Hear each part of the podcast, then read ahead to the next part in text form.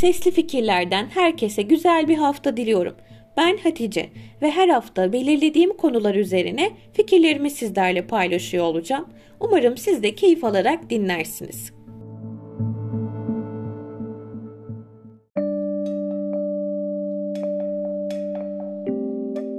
Tarihin zaman ibresi bugün bu podcast'te 6 Ağustos 1945'i gösteriyor. Şafak ışığı parlak ve açık bir pazartesi sabahı Hiroşima'da. Yaz güneşi gökyüzüne tırmanırken sıcaklık da aynı hızla artıyor. Gece yarısının hemen ardından yapılan hava saldırısı uyarısı saat 02.10 sularında yine sakinleşiyor. Herkes nihayet uyumaya hazırlandığında 07.09'da bir başka sirenle aniden uyanıyorlar. Bununsa bir ABD askeri keşif uçağı olduğu ortaya çıkıyor. Yüksek irtifada seyrediyor bu uçak ve saatler 7.31'i gösterdiğinde bu da geçti diyerek yine nefesler tutulmaya devam ediyor. Rahatlayarak iç çeken insanlar hava saldırısı sığınaklarından ya da buldukları diğer barınaklardan geri dönüyor.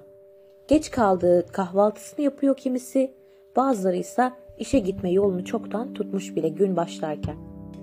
Fakat birden Hiroşima Merkez Yayın İstasyonu'ndaki bilgi aktarma odasında bir zil çalıyor. Tekrardan hava saldırısı alarmını yayınlamak için.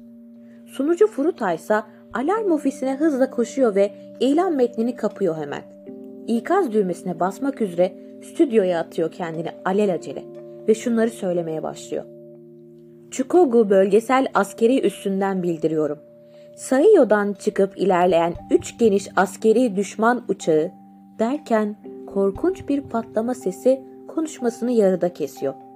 Betonarme bir yapının tek tarafa eğildiğini ve havaya fırladığını hissediyor. 6 Ağustos 1945 Saat 08.15 İnsanoğluna karşı kullanılan ilk atom bombası Hiroşima'ya atıldı.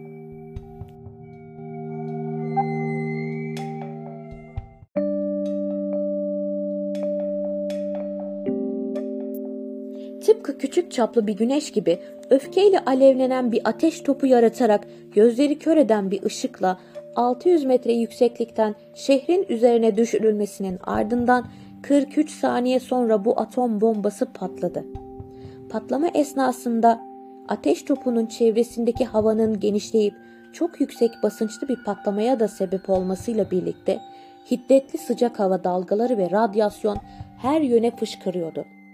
Bu üç faktörün karmaşık etkileşimi şehri devasa korkunç bir hasara uğratıyordu. Atom bombasının ortaya çıkardığı zarar üç maddeyle nitelendiriliyordu. Ani bir kitlesel yıkım, gelişi güzel toplu katliam ve radyasyon. Ama özellikle de radyasyonun verdiği hasar onlarca yıl devam edecek korkunç bir olaydı.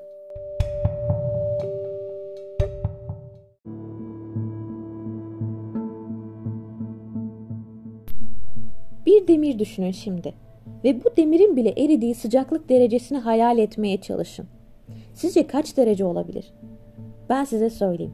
1536 santigrat derecede bir demir eriyebilir ve bu atom bombasının sebep olduğu sıcaklık 3000'den 4000 santigrata kadar ulaştı bu yüzeyde. Hayal edilmesi imkansız olanı yaşayan bu insanlar için tarifi ne kadar zor olsa gerek. Radyasyonun verdiği zarar üzerine konuşacak olursak da konvansiyonel bombaların aksine atom bombası insan vücuduna inanılmaz zarar veren çok büyük miktarda bir radyasyon emilimi gösteriyordu. Vücudun derinliklerini ilhak eden bu radyasyon hücrelere zarar veriyor, kanın yapısını değiştiriyor, kemik iliğinin anatomisini ciddi hasara uğratıyordu. Bombadan gelen radyasyonun verdiği zarar bulunduğunuz yere göre büyük ölçüde değişkenlik de gösteriyordu aslında. Bombanın etki merkezinden bir kilometre içindeki her şey yok oluyordu ve canlılar için bir dakika içinde hayata veda etmek demekti bu. O bölgedeki çoğu insan birkaç gün içinde yaşamını kaybetti. Yaralı görünmeyen pek çok insansa çeşitli rahatsızlıklar geçirerek belki günler, belki de aylar sonra vefat etti. Patlama çok uzun süre boyunca yüzeyde yani zeminde radyasyon kalıntıları bıraktı. Sonuç olarak ise patlamadan sonra ailesini, arkadaşlarını, sevdiklerini aramak için şehre gelenlerle birlikte arama kurtarma faaliyetlerine katılanlar da radyasyona direkt maruz kalmaktan benzer semptomlar geliştirdiler ve çoğu da hayata gözlerini yumdu. Radyasyonun etkileri, bombalamanın hemen ardından ortaya çıkan ateş, bulantı, ishal gibi akut etkilerin de ötesine geçti. Onlarca yıldır Hibakusha'nın yani 1945 yılında gerçekleşen bu atom bombasının patlamasının ardından geriye kalan, hayatta kalan insanların sağlıklarını tehdit etmeye devam eden birçok hastalığa yol açtı. Radyasyona maruz kaldıktan yıllar sonra lösemi ve kanserden vefat eden insan sayısı artış gösterdi. Bugün bile radyasyonun etkilerine dair açıklamalar yetersiz kalıyorken araştırma çalışmaları devam ediyor. Hem akla hem vücuda verilen zarar zamanla geçecek gibi görünmüyor.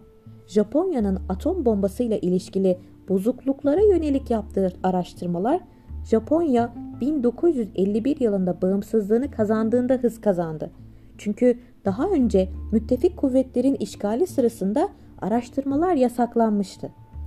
Bağımsızlıktan beri ise korkunç art etkilerden muzdarip hayatta kalanların fotoğrafları giderek odak noktası haline geldi.